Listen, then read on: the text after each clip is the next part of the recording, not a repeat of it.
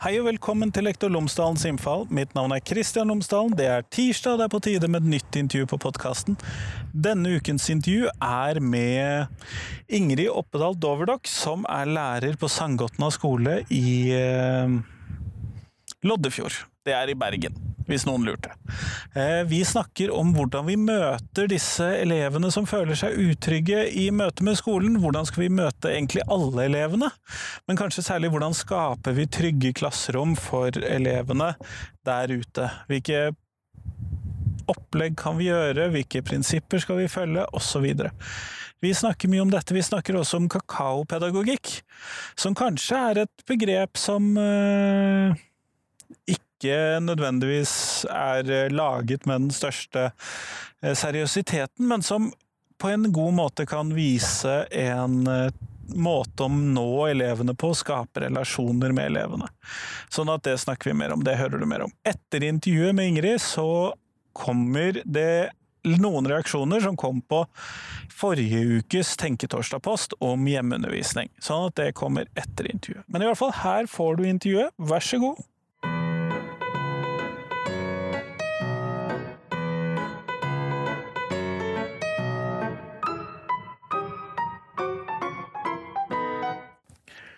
Ingrid Doverdok, tusen takk for at du har tatt deg tid til meg i dag. Takk for at jeg vil komme. Før vi starter selve intervjuet, kunne du ha fortalt lytterne mine tre ting om deg selv, sånn at de kan bli litt bedre kjent med deg.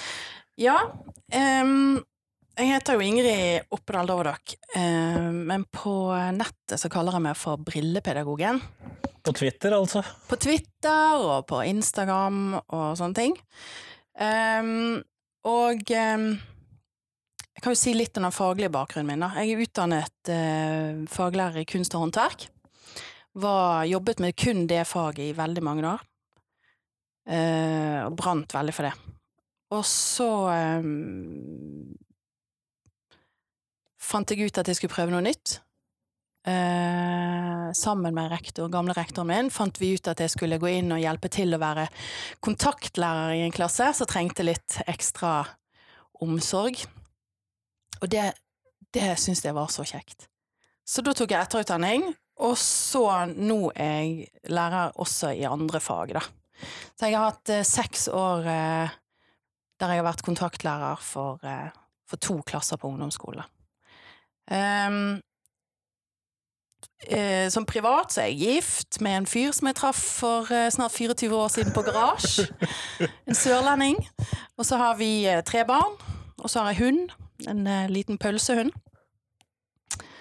Um, og så kanskje den tredje tingen jeg har lyst til å si, det er at uh, i 1979 så ringte Bergens Tidende til Vadmyra skole, uh, der min mor jobbet. Um, og så spurte de om de kunne få intervjue et barn om det å starte på skolen. Og det var jo ingen barn der, for skolen var jo ikke startet. Så, så min mor sa at men jeg har en datter selv som skal begynne på skolen nå du kan jo få snakke med henne. Så det var mitt første møte med, med media, da. Det var ganske sjokkerende, syns jeg, for det, der ble jeg altså intervjuet av en fyr som jeg tror neppe snakket mye med barn. Eh, for de spørsmålene jeg fikk der, var så vanskelige at eh, jeg kan fremdeles kjenne på den følelsen av at nå, jeg får ikke til å svare. Så jeg gjorde det barn gjør. Jeg begynte å snakke om fisking og hytten og tegning og sånne ting. Um, og flere spørsmål sånn, kom da. Veldig voksne spørsmål. Da fikk jeg blant annet spørsmålet Hva vil skolen bety for deg? Jeg vet ikke om jeg kan svare fullgodt på det spørsmålet ennå. Nei, og det er et veldig vanskelig spørsmål. Men etter nå over 40 år, så er jeg i nærheten av å ha, ha et svar. Så hvis BT har lyst til å snakke med meg om det igjen, så kan jeg ta kontakt. For nå tror jeg faktisk jeg vet hva det vil bety. 40 år seinere. Så eh, ja, det var tre ting. Ja, kjempeflott. Du, jeg spilte inn for eh, noen uker siden så spilte jeg inn et intervju med Dag Noranger om skolens møte med trygge barn og utrygge barn, og hvordan vi skal legge til rette for de utrygge barna. Og da vil jeg jo snakke med deg som kontaktlærer ute mm. i skolen, og som lærer ute i skolen om hvordan gjør vi det i praksis? Hvordan skal vi ta oss og få skape denne tryggheten for disse elevene? Hvordan skal vi møte dem?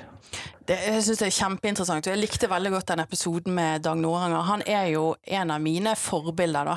Jeg har, siden jeg var liten, så har jeg leitet etter sånne pedagogiske forbilder. Uh, I lærere jeg har møtt, og i, i andre, andre um, mennesker som psykologer og sosionomer eller eh, filosofer. Da. Eh, Dag Noranger er så konkret, og han er så fin i budskapet. Og det som han snakker om der, Eh, det er, det er, liksom kjernen, tenker jeg, i, i, måten å tenke som en pedagog. Han stilte, stilte, spørsmålet Skal vi da anta at alle er utrygge når de kommer? Fordi at hva taper vi på det? Um, og etter å ha sett, uh, vært på foredrag med Dag Noranger og sett videoene om toleransevinduet og lest en del ut av det han har skrevet og sånn, så, så tok jeg et tok jeg et, et, en, en, avgjørelse for noen år siden da jeg skulle få en ny klasse, og at jeg ville ta utgangspunkt i at alle trengte noe. Alle trengte å bli veldig trygge, da. Altså at de hadde noe i bagasjen. Eh, med den viten om at eh, vi vet fryktelig lite om de menneskene vi møter. Vi, vi, vet, vi kan, vi kan, anta, han snakket mye om det, vi kan anta, vi leser atferden deres, og så antar vi enormt mye. Eh, det er sikkert på grunn av faren er sånn, eller ja, broren gikk, han var akkurat likedan. Eh, du vet, de sover jo ikke godt nok lenger, det er den gamingen. Eh, altså, det er alle de antagelsene som gir oss forklaring på at det ikke har noe med oss å gjøre. Sant? Og så tenker jeg sånn, ok, jeg kan ikke forandre de nødvendigvis, men jeg kan forandre min måte å møte disse på. Og da snakker ikke Dag Nora snakket mye om de her elevene som utfordrer oss med det frekke språket, eller eh, eh, som ikke vil gjøre det vi ønsker, eller følge regler og sånne ting. Men jeg tenker også de som trekker seg unna. De som er helt stille, eller som vi ikke forstår. Eh, eller de som du oppdager plutselig har arr på armen. Hvorfor kutter de seg? Altså, alle de følelsesuttrykkene, eller smerteuttrykkene, da. Hva, hvor kommer de fra? Og der skal vi være så utrolig ydmyke for at de elevene vi møter i skolen, de lever liv som vi aner ekstremt lite om. Og så møter jeg denne gjengen i åttende klasse, og så står jeg foran, foran 8C, eh, og så tenker jeg rett og slett at de her trenger meg. De her trenger at jeg blir veldig glad i dem. For dette her må jeg ha tålmodighet. Og jeg er ikke veldig tålmodig. Jeg er, jeg er veldig bergensk og ganske hissig av meg, egentlig. Så det å møte traumeutsatte barn, for eksempel, da må jeg virkelig snu blikket mot meg sjøl for å se hva er det jeg gjør. Og Dag Noren snakket om sånne enkle ting som det med å ha nyve i pannen. Jeg har det, Når jeg konsentrerer meg eller lytter veldig, så ser jeg jo kanskje litt sur ut. Og da må vi lage et rom for at vi snakker om sånne ting sånn at ikke de utrygge barna blir enda mer utrygge av sånne små ting, da. Uh, så, så, målet mitt var at her må vi bli ordentlig kjent. De må bli, få lov til å bli kjent med meg. Jeg må være en veldig tydelig voksen. Det var Det var målet? Det var, det var målet. Og um, men hvis vi da ser på en vanlig sånn den gjengse ungdomsskoleklasse, da, fordi mm. det er jo på ungdomsskolen du er, Eh, og så Hvis vi da bare forutsetter at ingen av dem har noen diagnoser, og ingen av dem har noen uh, foreldre med mm. ulike problemstillinger, og ingen av de er fattige, og ingen blir mobbet osv. Hvis mm. vi bare ja, ja. Uh, Jeg vet ikke om denne klassen fins, men uh, Jeg har aldri møtt den, men, men, men hvis vi antar det, da, så ja. er jo alle sammen midt i puberteten. Ja. Det er, det er den. Det er de, alle sammen. Og det, det er en brytningstid der de er i utgangspunktet så sårbare. Um, og livredde for å bli avslørt eller uh, bli ledd av eller uh, Ikke passe inn? Ikke passe inn. Er det rom for meg her, liksom? Um, og da ble det Da var det plutselig veldig viktig for meg å sette fingeren på, da. Det som var, var vanskelig. Eller det som Eller ikke vanskelig, men det som var eh, At vi er forskjellige, og at definere det som en positiv ting, da. For det, når du står foran en klasse, uansett hvilken klasse, så er det ganske mange der som aldri ville valgt å være venner. Og det er ikke mitt mål, også, for nå skal vi være sånn big one, happy family, alle skal elske hverandre og sånne ting. Men vi skal tåle hverandre, og vi skal være nysgjerrige på hverandre. Og vi skal, vi skal være klar over at vi vet bare litt om hverandre. Uh, og når vi gjør det, når vi har det fokuset, så kommer det på en måte litt mer respekt òg for, for, det folk står i. Og eh, jeg har en uh, har hatt flere elever som har på en måte krøpet veldig inn i hjertet i de tre årene som jeg har bak meg nå. Um, og det er mange sånne historier òg fra de sånne øyeblikk der jeg klarte å stå i, i situasjonen og ikke hoppe inn med mine antagelser eller korrigere. 'Nei, men nå må du høre her, det er jo helt urimelig', eller sånne ting.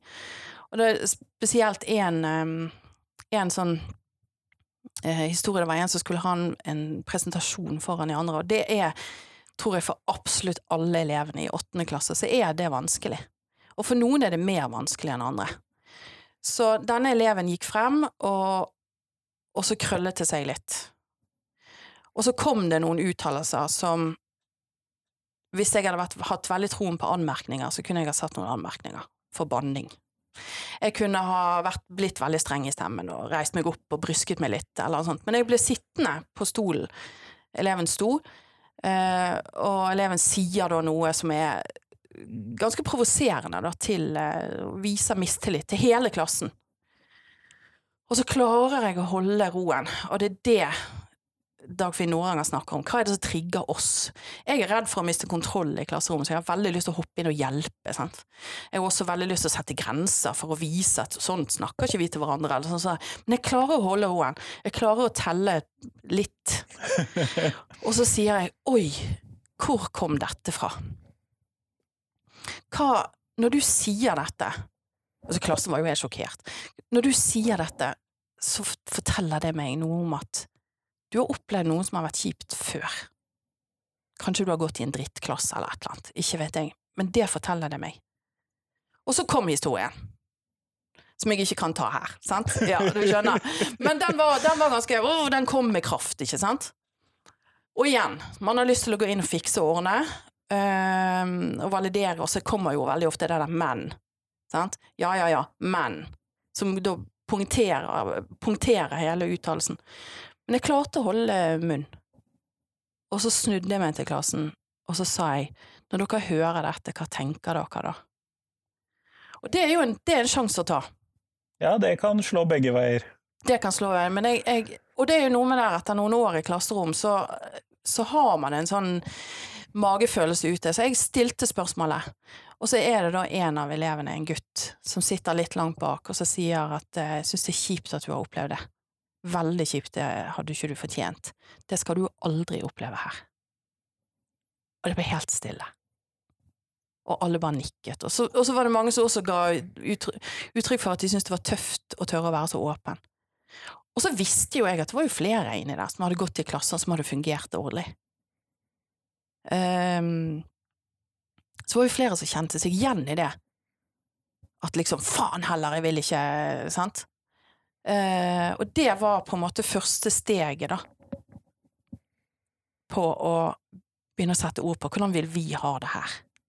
Hvordan skal vi bygge denne flokken vår, da? Og uansett hvilken klasse vi får, så vil vi jo ha elever som kommer fra Noen som kommer fra gode, eh, klasser ja. som har fungert godt, og noen som kommer fra klasser som har fungert eh, ja. mindre godt. Ja. Og så er det noen da som, som, skjønner ikke hvor disse følelsene kommer fra. Fordi de har sklidd gjennom barneskolen og mellomtrinnet, og så har gått i, i, i, greie klasser. De har ikke hatt noe sånn.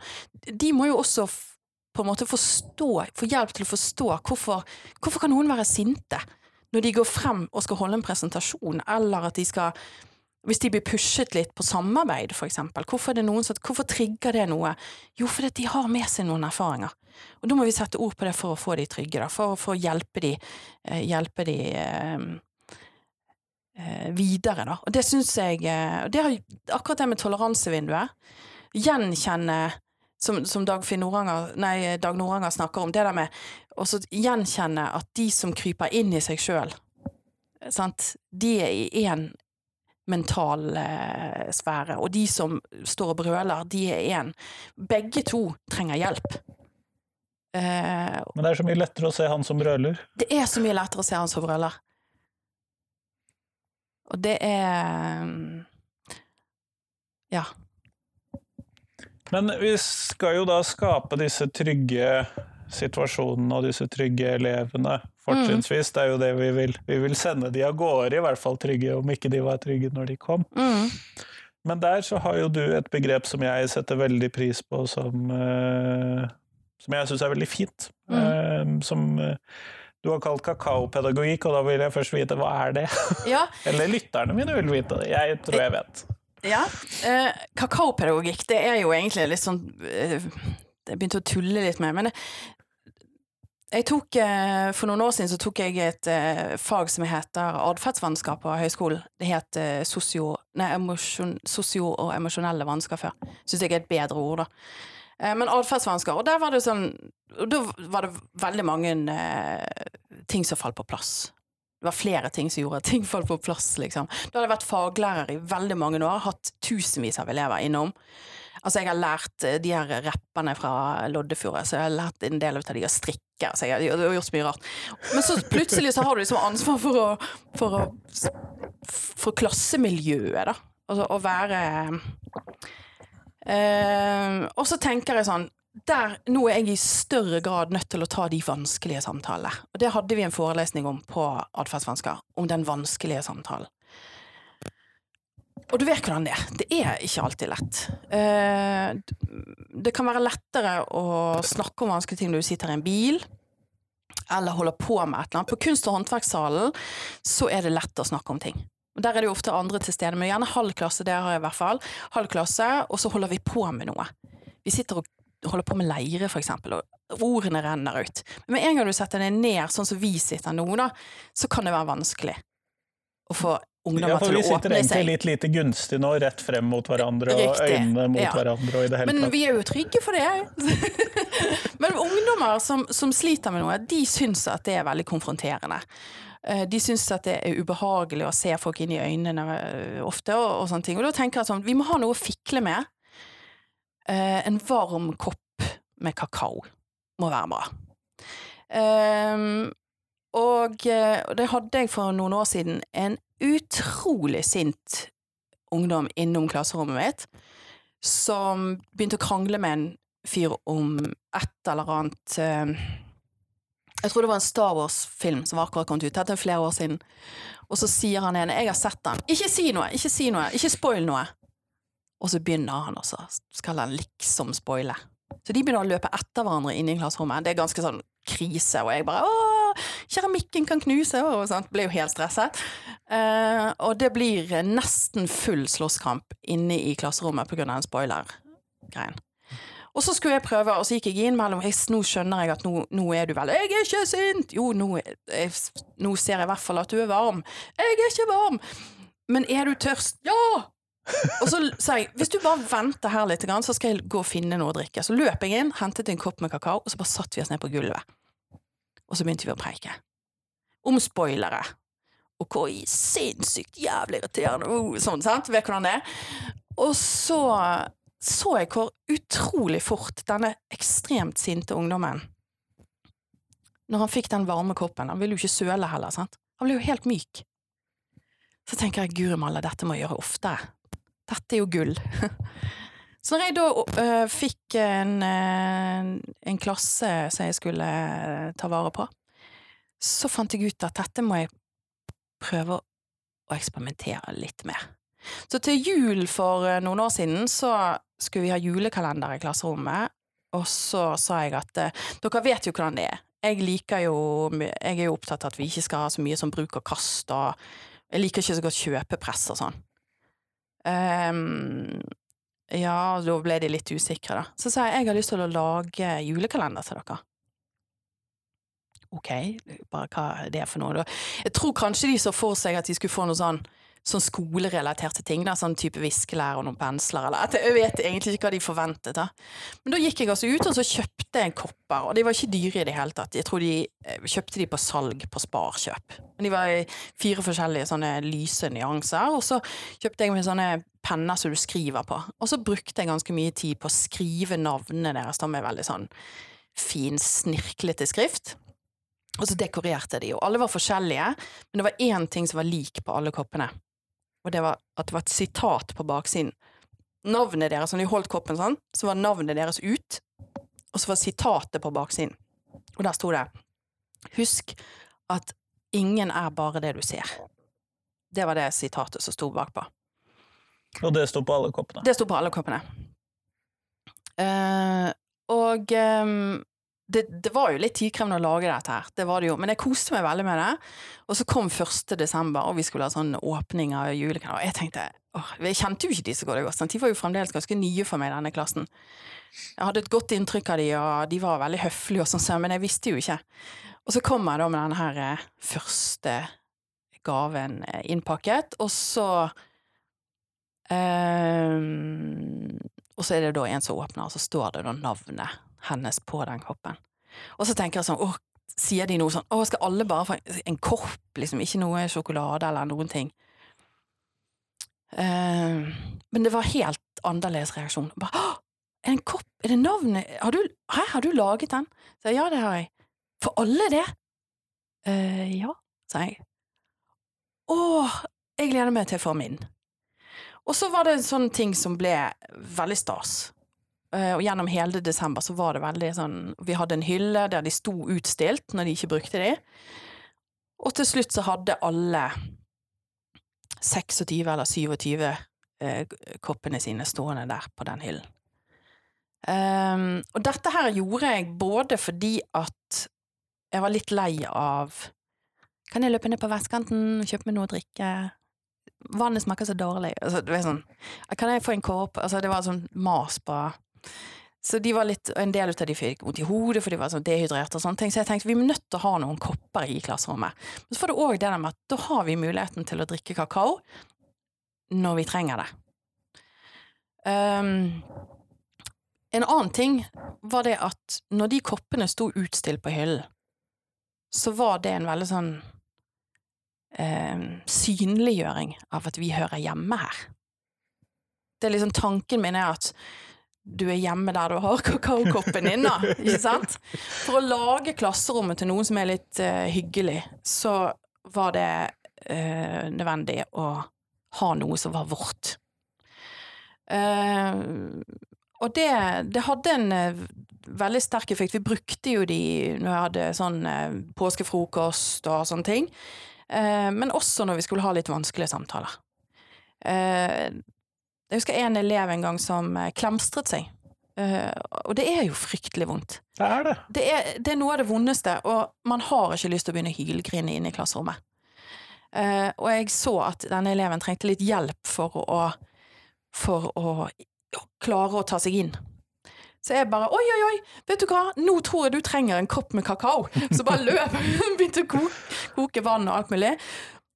Og det blir en sånn måte å avlede litt på, uten å bagatellisere eller noen ting.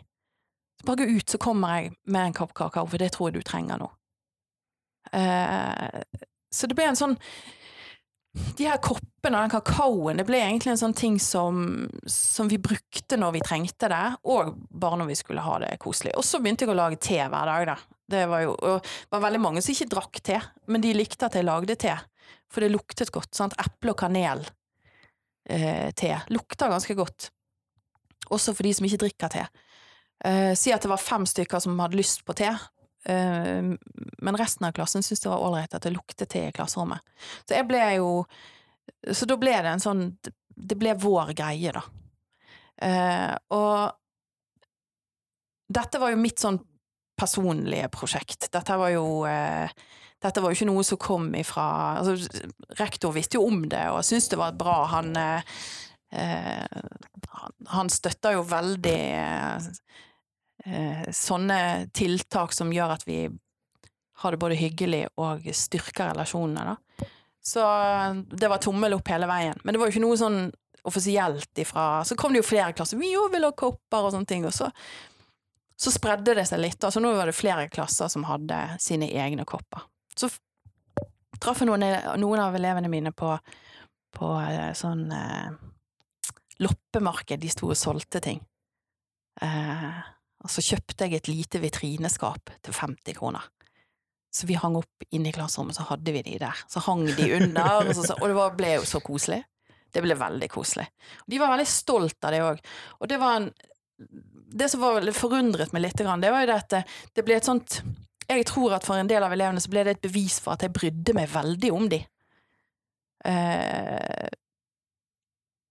for det har, det har jeg skjønt gjennom alle de årene jeg har vært lærer, at det er mange elever som lurer på det. Vil du huske meg når jeg slutter, liksom? Kan de spørre om.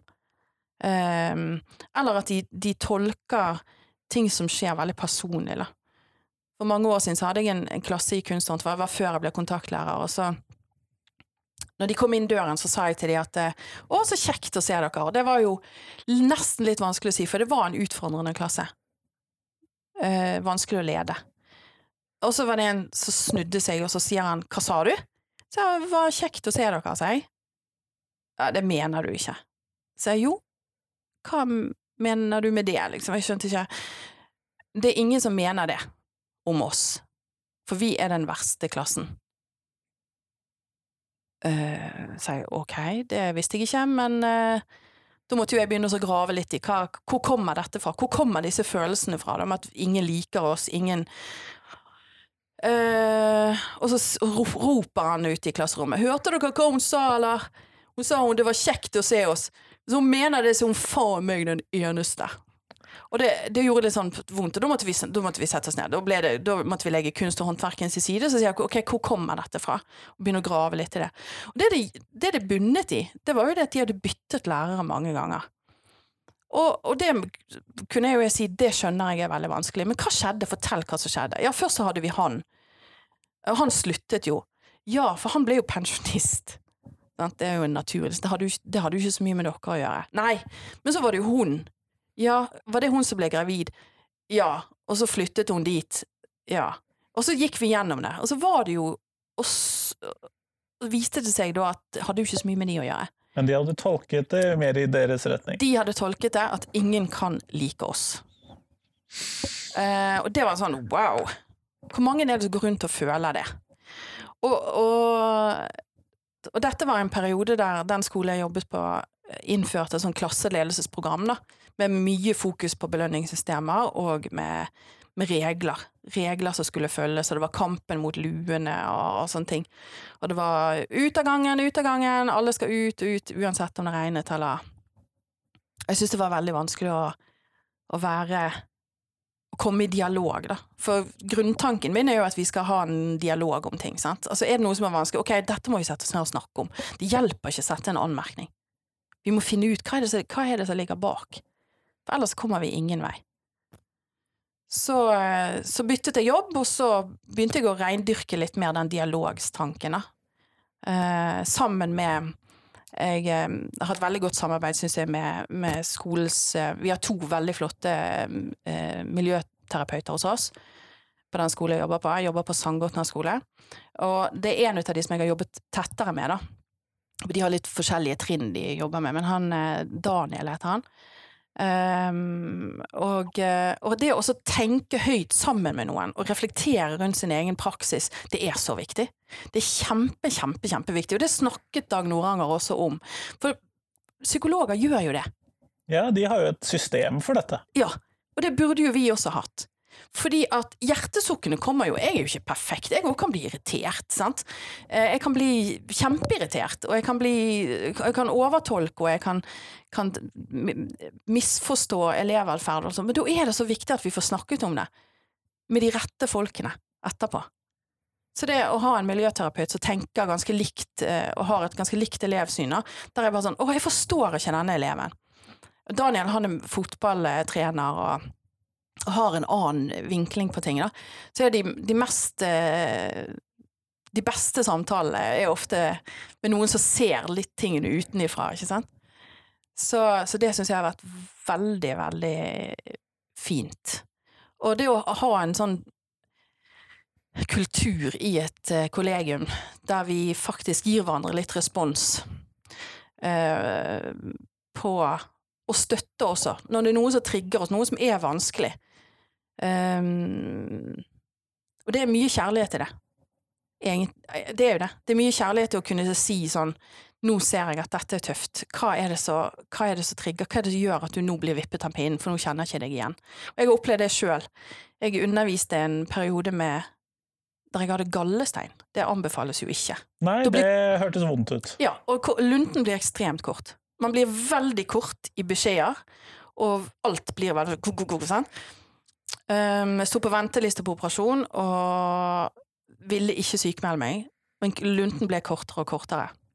Og en dag så mistet jeg det helt, og kjeftet på noen elever fordi at de hadde gått videre til neste steg uten at det skal vi gjøre neste gang. Skjønner du? Jeg blåste meg litt opp, da, for noe som var en bagatell. Og de elevene var jo intelligente mennesker, så de skjønte at ok, dette handler ikke om oss. Det så jeg på de. Uh, men så var det en lærer til stede. Hun var helt rolig, beholdt helt roen. Og jeg tok meg inn igjen sånn halvveis, og så avsluttet vi timen og sånn. Og så kom hun til meg etterpå, så sa hun at nå er ikke du deg sjøl. Hva er det som foregår? Um, og det var veldig sårt. Det var kjempevanskelig å få den. Samtidig så så jeg at det var helt nødvendig. Fordi at jeg hadde ikke hodet over vannet. Og da ble jeg en sånn lærer, sånn kjeftelærer, som jeg ikke har lyst til å være.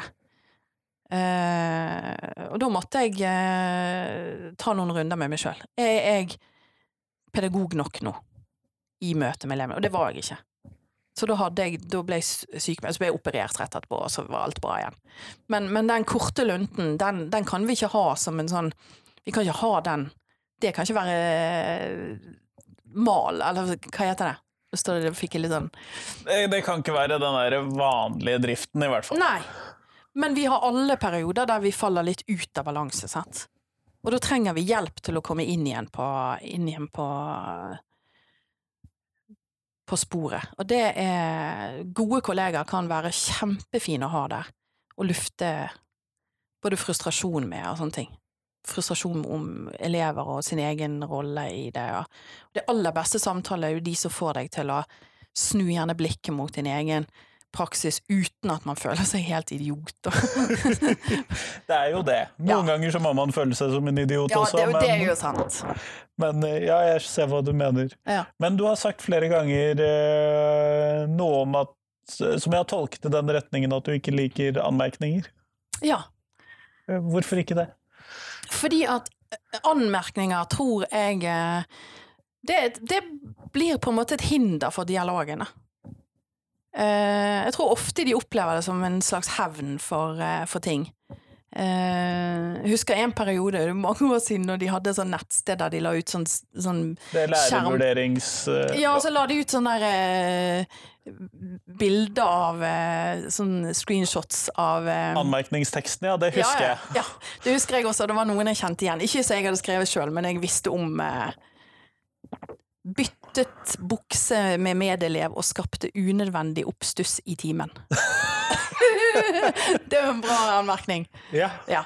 Uh, men jeg har, jeg har, ikke troen på det, for uh, vi, vi uh, adresserer bare det som er blitt sagt eller gjort, og ikke Vi kommer ikke, vi klarer ikke ende Vi får jo ikke de snille Uh, av å Altså, jeg jobber jo i en bydel der det er ganske mye friske ungdommer, sant? med både friskt språk og alt mulig. Hvis det er greit at jeg tar et eksempel, da.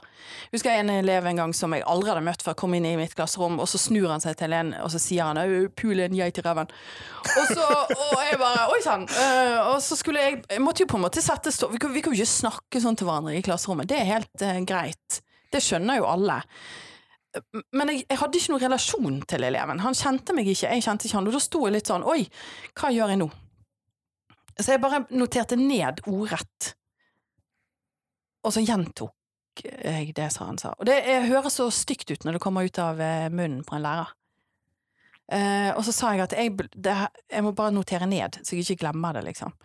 Eh, så tenker jeg sånn, det hadde jo blitt århundrets eh, anmerkning på It's learning. Men eh, vi måtte rett og slett sette oss ned og snakke litt eh, sammen etterpå. Jeg sa det at eh, jeg, Nå har jeg skrevet ned der, så leste jeg opp. Uh, når du kom inn i klasserommet, så kjente ikke du meg. Jeg kjente ikke deg. Uh, jeg, jeg setter ikke pris på at vi snakker sånn. Og nå vet eh, du det om meg, og så håper jeg at det aldri skjer igjen. Så bare lar vi det ligge der. Det kommer aldri noe mer etter det. Um, men anmerkninger, altså. Det er Hvis det er sånn for seintkomming for å på en måte få litt oversikt over hvem og hvor og Forstår du? Jeg, jeg, jeg har ikke tro på at det virker. Det endrer jo ikke atferd. Nei, det, det, vi kan jo notere det på andre måter enn gjennom anmerkningssystemet, vil jeg tro. Det tror jeg òg. Sånn hvis det er det vi bruker det til. Ja. Huskeliste for dårlig opp... Huskeliste for å begrunne om de skal gå ned i orden og oppførselskarakter. Det er jo det på en måte jeg føler at det blir brukt til. Uh, men det er jo mange som har veldig troen på anmerkninger. Hvis de, vi ikke har eh, Eller ordenskarakter og oppførselskarakter. Uh, jeg har jo ikke det. Jeg har, jeg har ikke troen på det. Uh, og det er jo derfor jeg har, i den klassen som jeg har hatt nå i tre år, så har meg og kollegaen min, vi som jeg delte klasse med, vi, vi likte jo ikke anmerkninger, noen av oss. Og eh, fant ut at vi satser på heller på å sette oss ned og snakke om det som er vanskelig. Og så tar vi heller og ja, finner løsninger sammen med elevene, da. Hva er, som, hva er det som gjør at du Hva trenger du hjelp til for å komme deg opp om morgenen, sånn at du kommer deg tidsnok, eller hva er det med den bussen, eller sånn løsninger. Og så um, Nå datt jeg litt ut hva jeg skulle si. Men hva er rett og slett at man snakker om det fremfor at man setter den der eh, stempelet og så går videre, liksom? Ja. Vi løser det heller her. Ja, og så fant vi ut at vi, vi dropper å ha sånn klasseregler. Vi snakker heller om Hvis målet vårt er Hvis målet vårt er at det skal være hyggelig for alle, sant? Hva kan vi bidra med da? Da må vi sette ord på det. Hva kan du bidra med? Hva kan jeg bidra med? Hva tenker dere læreren bør gjøre? sant? Å bidra med positive Ja. Hva, ting inne i ja. rommet. Og det er mitt ansvar at du har det greit, og det er du Ditt ansvar også at jeg altså, Vi har et felles ansvar. Det samme når det gjelder rydding. Vi hadde ikke ordenselev heller. Og det er sånn Når jeg forteller folk om det, så «Ah, da må jo det bli helt kaos. Jo, men hvis målet vårt er at det skal være et hyggelig klasserom, og jeg liker å ha det hyggelig, jeg liker grønne planter, jeg liker eh, litt kunst på veggene, og, eller plakater og sånn, Tekopper, tydeligvis. tekopper og kakao og sånn. Ehm, og hvis målet vårt er at det skal være hyggelig, da må vi alle sammen bidra. Så innimellom så blir det litt rotete. Akkurat som i en familie så blir det litt rotete, for det sklir litt ut. Og så sier vi nei, nå trives jeg ikke så godt. godt. Hva tenker dere? Nei, det syns ikke de heller. Eller at det er noen av elevene sier nå er det sinnssykt rotete her. Ok, da går vi sammen, og så tar vi et uh, tak. Um, for med en gang vi har én eller to stykker som er sånn ordenselever som har ansvar, så er det så lett å bare slippe det du har i hendene, og så bare gå ut. Det er ikke ikke mitt ansvar i dag. det er ikke mitt ansvar, og det er ikke et vi. Det er han og han sin uke. Sant? Uh, og det er noe med kulturen som det er mulig å få til i et klasserom, uh, hvis du jobber med det over tid, da. Uh, som jeg tenker er, er Det er mulig. Det er veldig mulig. Men du må sette ord på det, og du må være den som går foran som et godt eksempel. Og så må man ha litt humor på det. da, For jeg er jo rotete person sjøl, så jeg roter jo. Pulten min eh, ser helt sånn, og kateteret ser jo over til Jeg har noen fordommer mot kunst- og håndverkslærere, jeg har det. Ja! det, det er helt greit. det kan jeg forstå. Jeg tror nok at jeg hadde bekreftet de hvis du hadde kommet på besøk. Men samtidig så er det noe med at eh, litt rot tåler vi, eh, hvis vi samtidig eh, tar noen sånne skippertak innimellom, og at det jevnt over er fint, da. Så, så det er det, det er en litt annen måte å tenke på. Det samme med husker jeg i mange år så slet jeg med dette med rydding på kunst- og håndverksavdelingen. sant? Det blir mye kjefting. Nei, ingen får gå før alle pensler er tørket av, eller um, Alle tråder må være plukket opp, og så videre. Ja, ja, ja. Og leire her og leire der, sant. Så fant jeg ut at vet du hva, dette er jo ikke greit i det hele tatt. Jeg orker ikke være den læreren som, som kjefter. Og jeg husker en gang så ble var jeg så streng at jeg holdt igjen. Sa at dette går ikke, jeg kan ikke stå her til klokken er halv fire og vaske etter dere. Så jeg holdt igjen. til jeg var fornøyd, og da mistet de bussen, og så kom det jo noen sure mail. Men det var helt greit eh, der og da. Så tenkte jeg nå må jeg tenke noe annet. Jeg må tenke på en ny måte her. Hva er det som gjør at de ikke, ikke gidder eller ikke gjør det jeg vil? Og så tenker jeg, jeg tror ikke de skjønner hvor viktig det er å rydde eh, etter vi har jobbet med leire. Altså, den meningsløsheten, tror jeg, som ofte er snublesteinen. Men hvorfor skal vi gjøre dette? Hvorfor skal vi vaske så himla nøye etter oss? Jo, for det er leirestøvet. Hvis vi alle sammen bare sånn, Leirestøvet, det er farlig å puste inn. Hvis du gjør, jobber med det i mange år. Så derfor så må vi ha rene overflater her. Fordi at jeg som går her, jeg har jobbet her sånn og så lenge, jeg kan ikke gå og puste det inn hver dag. Å ja! Og da ga det mening, så da ble alle veldig nøye med vaskingen. Vasket flere ganger, og vridde opp kluten og Og så en annen ting, det er at hvis de får ansvar, og vi, vi viser dem tillit, så tar de det nesten alltid. Og så av og til så kommer det til uttrykk, eller til, til overflaten, noen ting som vi kanskje ikke hadde tenkt oss tenkt, da. Noen kan faktisk ikke vaske et bord. Tenk det. De går på ungdomsskole, de vet ikke hvordan de skal gjøre det. Så de bare sauser kluten litt sånn rundt. De skjønner ikke at de må på en måte få med seg alt rusket, eller Så litt opplæring. Uh, mye tommel opp. Takk. Ikke minst takk. Ikke sånn positiv anmerkning, men takk, dette ser bra ut. Nå ble jeg glad. Uh, og så har du, dette med at eh, hvis du gir de ansvaret, sånn som felles beskjed ut i klasserommet, står og gauler, sant. Det er jo aldri, det når ikke alle. Så jeg så fant ut at jeg gikk bort, de satt på gruppebord, jeg gikk bort til de, og så sa jeg, dere fire som sitter her, kan ikke dere bli enige om hvem vasker redskapene, hvem tar platene, og hvem tar bordet? Så går det raskt og greit. For da er det bare én fra hver gruppe som går til vasken. Og da blir ikke det sånn kø heller, sant. Ja ja, det var helt greit. Så gikk jeg til neste bord, så sa jeg det samme. Og så bare trakk jeg meg tilbake, og så gikk ryddingen som en lek.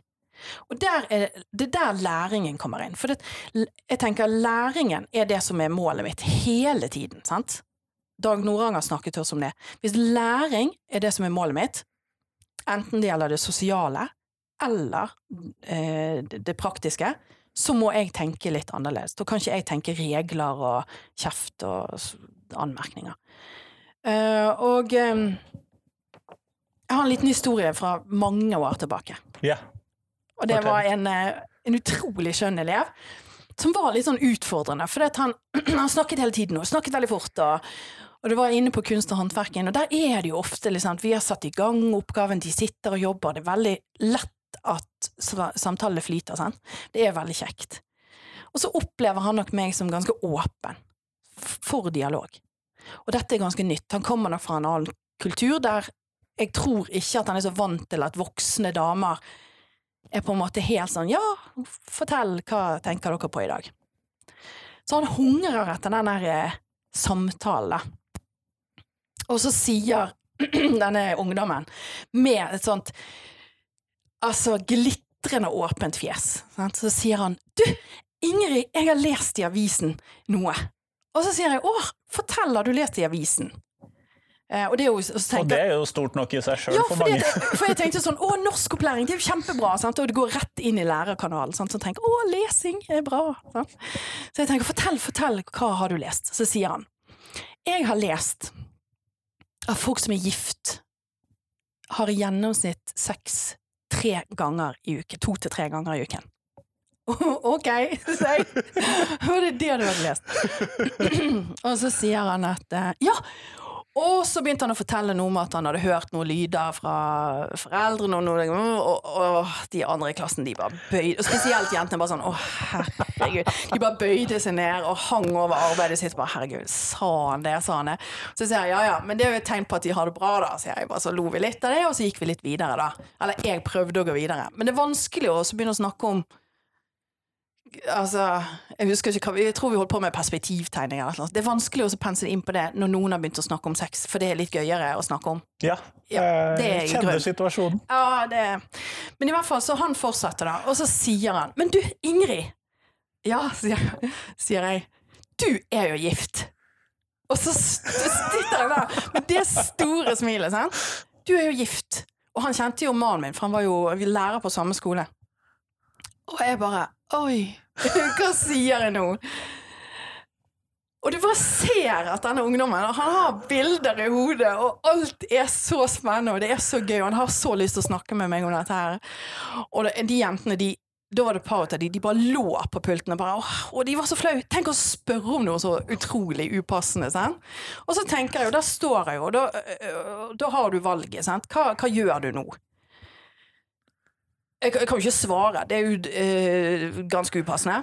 Ja. Eh, Så har ikke jeg lyst til at han skal For det, det er noe med at hvis jeg Du skal ikke avvise han sånn Nei, og jeg har ikke lyst til at han skal drite seg helt ut, eller at de skal De lo jo allerede, da. Men altså Men det kunne blitt verre. Det kunne blitt verre, og så tenker jeg sånn Nå må jeg prøve å redde han litt ut av situasjonen, og så må vi ha humoren. Jeg kan ikke begynne å sette Jeg må sette grenser på en måte som gjør at det blir greit, da. Det tenkte jeg. Alt det raste gjennom hodet mens jeg får dette spørsmålet. Og så sier jeg sånn Ja, jeg er jo gift, men jeg, jeg kan jo ikke snakke med deg om det, sier jeg. Hvorfor ikke det? Og han er fremdeles er helt sånn åpen i blikket, ikke noe frekt, ingenting. Han er, sånn, han er bare så utrolig sånn 14-15 år og har sinnssykt lyst til å snakke om dette. Sant? Og så sier jeg at jeg kan ikke snakke med deg om det. Ja, hvorfor ikke det? Uh, og så så jeg på han, så sier jeg, men du, jeg spør jo ikke hvor ofte du uh, Og så ser jeg over brilleglassene, og så blinker jeg til han da, sånn notch, notch, say no more. Så skjønner han hvor jeg vil hen da. Og så ler han litt, og så, og så ser du at når jeg da har speilet den situasjonen med at jeg spør ikke han om hvor han er igjen i verden, liksom, på det seksuelle, så, så ser jeg at det kobler. Samtidig så, så redder han seg inn og så sier jo da, Ingrid, det kan du bare spørre om. ja? Og så sier han men jeg vil ikke, jeg vil ikke vite det, og så lo vi litt av det. da. Og så sier han men hvorfor, hva, hvorfor ikke det? Og dette er et oppriktig spørsmål.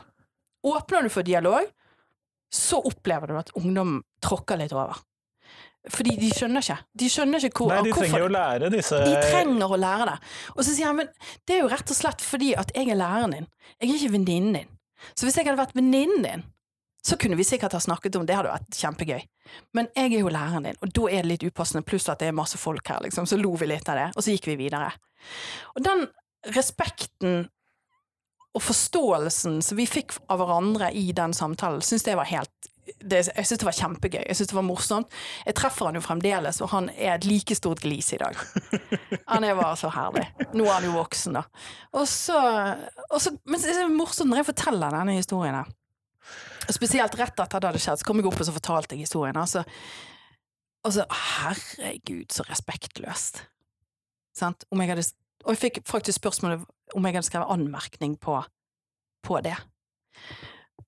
Og, og da, jeg forsto nesten ikke spørsmålet, for det, jeg, det var så utenkelig for meg. Jeg tenkte jo det var gull, den samtalen, for det hadde ført til læring. Det var mye god seksualitetsundervisning i en sånn samtale. Ja. Vi kan gjerne snakke om de tingene, men jeg vil ikke snakke om meg selv. For det blir sånn at du trenger ikke snakke om deg selv. Vi kan snakke om sånn. Og, og det, og det mm, å ivareta sine egne grenser i den tiden vi lever i der alle skal dele alt mulig, så er det faktisk litt ålreit å få vite at man trenger ikke dele alt. Uh, og jeg syns det, det var et sånn lite sånn gulløyeblikk, da. Uh, så Sett anmerkning tror jeg hadde reversert alt. Ja, og han hadde jo skammet seg sånn. Tenker jeg forst altså, og han hadde mest sannsynlig mislikt meg veldig. For han mente jo ikke noe vondt med det. Det tror jeg virkelig ikke. Altså, jeg har jo hatt andre elever som har prøvd å utfordre på å være litt mer sånn frekk, sant? Men, eh, men denne eleven var ikke utfordrende på Nei, og de som prøver du, Jeg tror du forstår det ganske greit på de som bare prøver seg på å være respektløse, versus de som faktisk Ja. har oppdaget et eller annet. Jo da, og det er jo klart, men også de som er, man kan oppleve som respektløse, er jo også søkende etter noe. De lurer jo på hvem er du, og hvordan reagerer du eh, hvis jeg gjør sånn, eller eh, Så det å være litt sånn Oi, dette forsto jeg ikke helt. Eller oi, eh, nå skjedde det noe som jeg stopper opp med. Eh, ha den holdningen istedenfor å gå rett inn i sånn eh, modus der du overtolker, eller legger på en måte meninger. Han var sånn, gjorde sånn fordi at det er jo den kulturen, vet du, eller Ja, ja. Det er veldig lett for Men en ting som er eh, Fordi at du jobber jo på i Loddefjord. Ja. Og det er jo ikke kjent for å være den minst utfordrende delen av Bergen kommune. Nei, vi har jo veldig dårlig rykte. Samtidig så ser vi at utviklingen nå, det har jo vært eh, Hvis du ser på ungdomskriminaliteten, så er jo den lavest i Bergen vest. Ja, og jeg ser at den begynner å stige noen pakker nede i Bergen sør, der hvor jeg bor. Ja. Så, så, men ryktet har vi jo fremdeles. Så når, hvis jeg forteller på fest at jeg er lærer i Loddefjord, så får jeg sånn oh, shit, da tåler du en støyt, liksom. Og så, og så sitter jeg der, og så har jeg den forrige klassen, jeg husker når de kom i åttende, så sånn Wow, får vi lov å ha tyggis på skolen? Altså, de var jo de englungene. Så det er jo ikke Ryktet henger ved, men, men det er ikke så, så gale. Men samtidig så har vi Vi har en del ungdommer så vi er nødt til å på en måte ha litt under vingene. Og vi er nødt til å gi dem litt slekk. Vi er nødt til å prøve å forstå hva er det som ligger bak. Og for noen år siden så fikk jeg en skikkelig sånn aha-opplevelse eh, i eh, en mediesak. Det var den eh, mye omtalte Janne-saken i BT. Om eh, Janne Eliassen som, eh, som vokste opp i Loddefjord i Vadmera, eh, bare et lite steinkast unna meg. Um, den eh, Altså, hun gikk i én klasse under meg på, på barne- og ungdomsskolen, og eh, når jeg leste den saken her, så rystet den meg så dypt. Jeg, eh, jeg syns det er rart å tenke på at der bodde jeg på en sånn liten haug med noe rekkehus som var veldig trygt og godt, og 100 meter, 200 meter bortenfor, så, så bodde hun i en blokk, eh, og livet hennes var preget av så mye omsorgssvikt og misbruk og Helt forferdelig. Og vi delte på en måte samme historie, sant. Vi gikk samme skoleveien og hadde mange av de samme lærerne og samme rektoren og samme helsesøster og sånne ting. Og så var livene våre så forskjellige. Uh, så den historien uh, har jeg lest utrolig mange ganger. Jeg har um, Jeg har snakket med studenter om den saken. Jeg har laget et prosjekt uh, i, med klassen min der vi brukte den som utgangspunkt. Fordi at for å forstå historien vi, vi, eller bydelen vi bor i, for å forstå politikk, hvordan det påvirker et enkeltmenneske, Eh, så, så, er den saken helt unik. Fordi at der var det jo situasjonen i Loddefjord, for de som ikke kan eh, så mye om den, så var det at eh, det var bolignød. Folk hadde ikke steder å bo. Og så bygde de veldig hurtig masse blokker i Loddefjord. Um, det var bare noen tusen mennesker som bodde der fra før, og plutselig så var vi veldig mange Nå husker jeg ikke tallet, men det var en ekstremt vekst. Mer enn dobling, mener jeg å huske at det var. Ja, ja, ja. Mye mer. Det som var problemet, var at systemene øh, ble jo ikke bygd ut i samme tempo. Sant? Vi hadde sosialkontoret som den gangen hadde ansvaret for utbetaling av øh, sosialpenger. Det bodde en del mennesker der i Mange av de blokkleilighetene var kommunale boliger, så det var mange som levde på trygd. Uh, de hadde jo også ansvar for barnevernet. Uh, de var fullstendig underbemannet. Uh, de hadde ikke De hadde ikke kapasitet til å få betalt ut alt. Så barnevernets del av det arbeidet der var nok helt, lå nok helt nede i store, lange perioder. Skolene var sprengt. I 1979, når jeg begynte på skolen, da jeg ble intervjuet i BT, så var det 940 elever som, på, altså, som gikk på skolen. På Vadmøra skole. Eh, skolen var helt sprengt. Og vi måtte sakse, og noen gikk på formiddagen og noen på ettermiddagen. Så det var helt Det, det, det krydde av barn.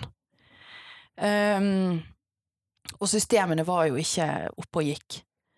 Sånn at den saken med Janne, som, som jeg har lest nå eh, flere ganger så det, det er jo flere som har rapportert inn at Janne og lillebroren levde i veldig vanskelige forhold. Jeg tror det er 13 meldinger som gikk på bekymring til barnevernet. Eh, Allikevel så hun ikke, fikk hun ikke hjelp. Og det gikk jo skikkelig galt. Og jeg er så lei meg for det når jeg eh, leser om det, så jeg det er forferdelig, forferdelig trist. Og når jeg leser det, så tenker jeg ok, hvordan er ståa nå?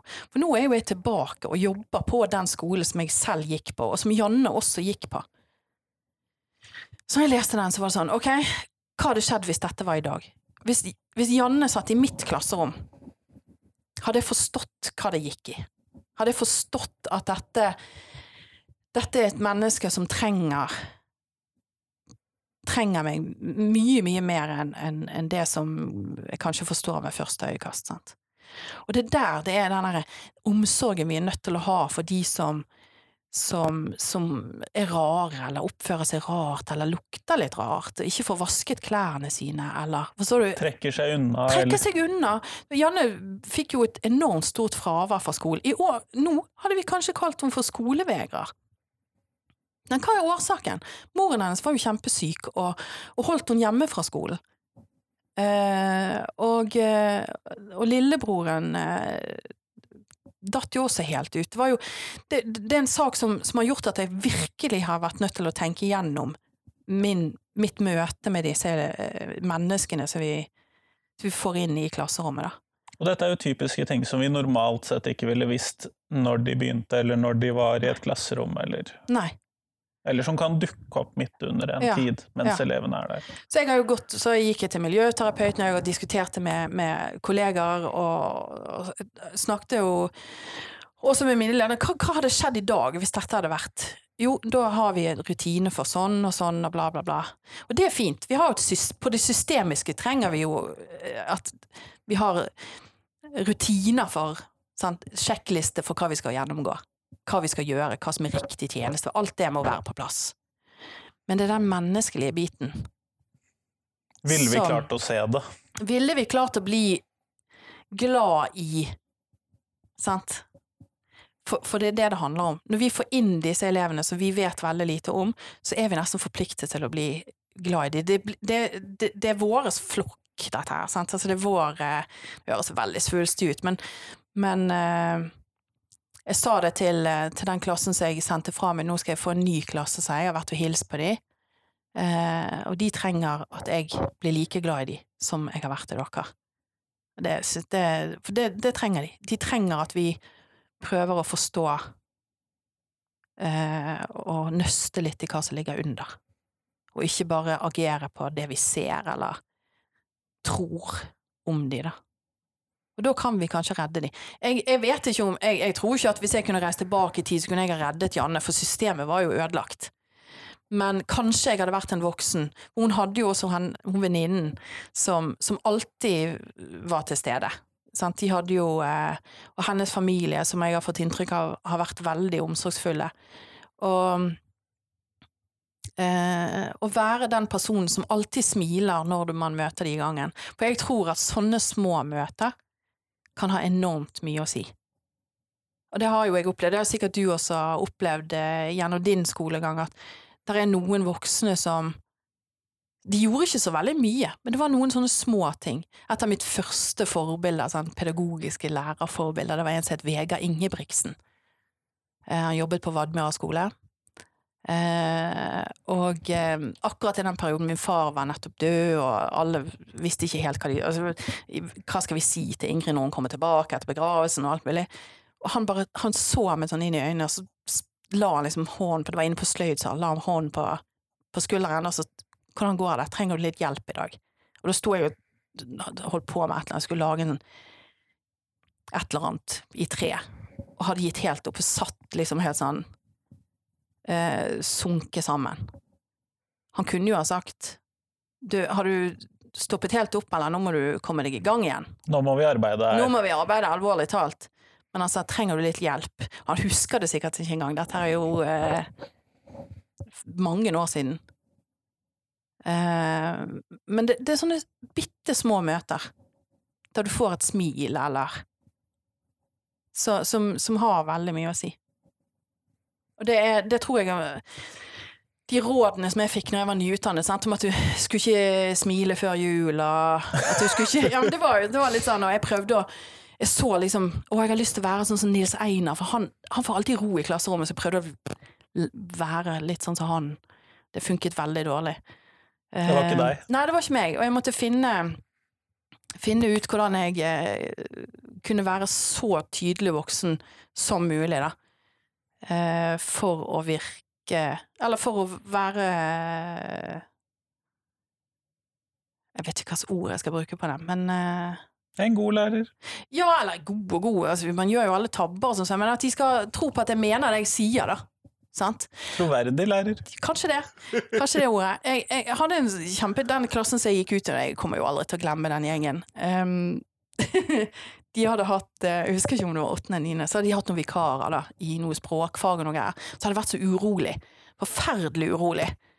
Masse, og så hadde det blitt masse kjefting og sånn, og så hadde alle det vært helt kaos i de timene. Så tar de det opp med meg, de hadde lyst til at jeg skulle fikse dette problemet, da. Og så sier jeg OK. Og da har jo jeg veldig sant? refleksen Ja, nå må dere gjøre sånn, og så må vi gjøre sånn, og så du, du, du, du. Men så tenker jeg nå må jeg prøve å få litt refleksjon her. Så jeg ber de om å kom, eh, gi råd til de, disse lærerne da, som har vært inne. Eh, diskutere i små grupper, og så skulle de gi råd. Og så skulle jeg skrive opp alle på smartboarden. det var ganske interessant. Fordi at rådene var jo helt De begynte jo å være sånn Ja, de må skrive anmerkninger. Og jeg ble ganske overrasket over at det rådet kom. Det var det første. Skrive mer anmerkninger, de må være strengere. En sa de må bare brøle 'hold kjeft'. De må sånn, sånn og sånn og sånn. Og til slutt så var det sånn Hvis det hadde vært lov å slå, så hadde det vært en fordel, var det en som sa. Og jeg, var, og jeg skrev alt på whiteboarden. Og det gjorde jo nesten vondt, sant. Og så sier jeg, men hva, hva er det som hva er alt? Det er jo ingen positive ting. Det er ingen alt det som dere gir råd til læreren om. Det er bare kjefting.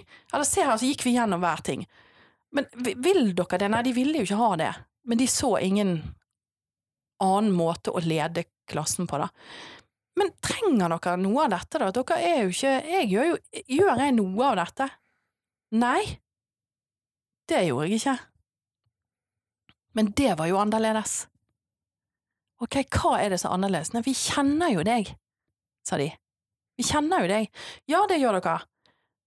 Uh, og hva har det å si for situasjonene? Så klarte vi sammen å konkludere med at de hadde jo ikke noen relasjon til dette mennesket som kom inn, og skulle lede de.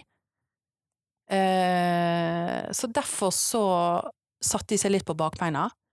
Og så når de prøvde å gå inn og styre det, med de metodene som de egentlig sa at de ville ha mer av, så kom motstand. Og det er jo naturlig. For hvis du kjefter på noen, så, og står og brøler 'hold kjeft' eller eh, sånn, så gjør jo ikke du Altså samarbeidsklimaet blir jo ikke bedre, sant. Så sier jeg, men hva, hva er det de lærerne Dere har jo mange lærere som ikke gjør noen ting av dette. Hva er det de gjør for noe, da? Kan dere diskutere? Hva er det de gjør? Og da kommer de frem til at de kjenner vi. Vi vet hvor de på en måte vil. Altså vi vet, eh, og så var det noe med regien av undervisningen. Sant? Ehm, mening, det, det var ikke så meningsløst. Det blir det ofte når man har en vikar som gjerne blir kastet inn i ja, si tysk eller spansk eller fransk. Gjerne sant? uten å kunne språket, Ja, jeg har, sett. jeg har prøvd å være der, og da blir man gjerne liksom moroklump som prøver å liksom, ikke få det til å frike helt ut. Sant? Men ehm, Så hva, hva er det de gjør, de som får det til? Og da var jo det blant annet det her med å smile når man kommer inn i klasserommet. Eh, det å så eh, for eksempel starte timen. Du vet sånn, Noen lærere sånn, starter, nå skal vi hilse på hverandre. Så er det sånn, stå skikkelig du, du, du, nå skal... Men det er mange måter å gjøre det på. Man kan også si det at nå skal vi hilse på hverandre, det er like mye meg, jeg som skal hilse på dere. Sant? Og Jeg pleier å si 'å, jeg må se litt på dere', sier jeg. Så, å, dere er jo så skjønne. Så var det en av de som sa 'herregud, Ingrid, vi vet at du syns vi er skjønne'. Du trenger ikke si det flere ganger. Jeg, bare, ok, da var jeg, jeg må roe litt ned på den jalla kunst- og håndverkslæreren i meg. Um, men det å starte timen på en positiv måte, eller være litt tydelig på hvor vi skal hen, og sånne ting, da. Og så så, så, så de at ah, det er det som mangler. Vi kjenner ikke vedkommende. Det er relasjonen som mangler. Og vi har ikke helt troen på at denne personen vet hvor vi skal. Og da blir motstand i oss større. Eh, og så var jo spørsmålet ok, hva kan dere gjøre da? Sant? Når dere får inn et nytt menneske, hva, hva, hva kan dere gjøre for å bedre den situasjonen? Og så snakket vi en del om det, og det er jo det er jeg veldig stolt av, at den klassen eh, ble kjent for å være en kjekk klasse å komme inn i. For de tok imot, de var jo veldig hjelpsomme, da. Og det var gjennom en sånn samtale. Hvis jeg hadde kommet med en sånn regelliste på Når dere har vikar, så skal dere punkt én være høflige, punkt to, punkt tre Skjønner du? Det hadde ikke hjulpet det. Det er samtalen vi har rundt det. Eh, hvordan møter vi nye mennesker som kommer inn her? Hvor, hvor, usikre blir ikke den vikaren? Det er jo ikke hans feil at han ikke er fransklærer. Han er gjerne redder en dagen har fått kastet på seg en vikartime som på grunn av noe uforutsett.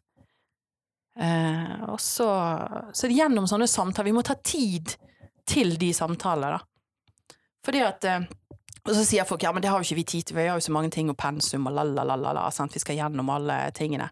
Men det tar veldig mye tid å la være å ta sånne samtaler. For da må du jobbe jo i det. Ja. Sant? For da må, du, da må du nøste opp alt det dritet som har skjedd når du har vært på kurs og hatt vikar, sant?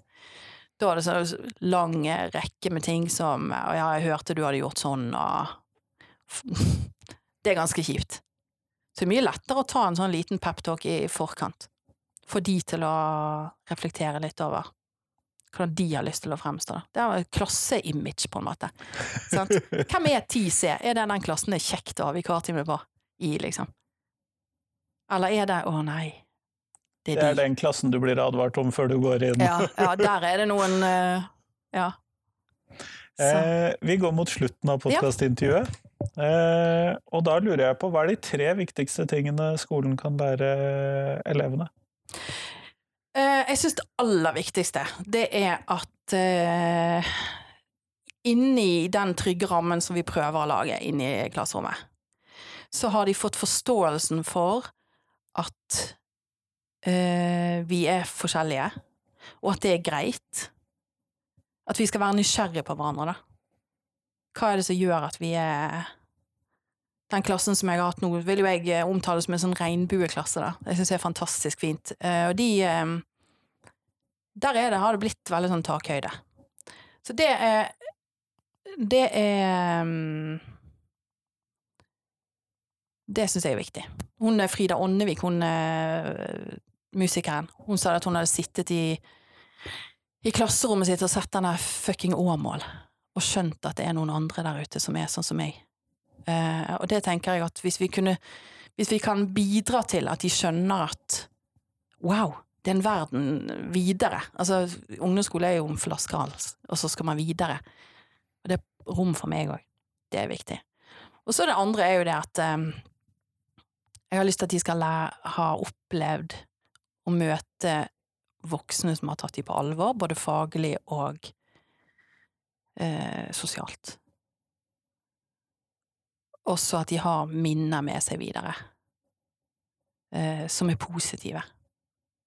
Det, det er liksom det som er tanken min når jeg har en klasse, med at eh, dere skal gjennom disse tre årene, og så er det det.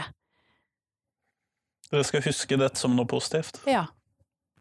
Det var jo ikke lett nødvendigvis, men at det var noe som var, det var trygt, og at det skjedde en utvikling i løpet av de tre årene.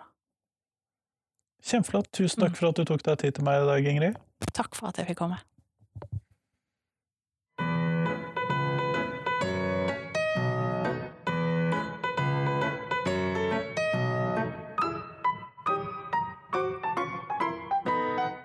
Tusen takk til Ingrid, og tusen takk til deg som hørte på.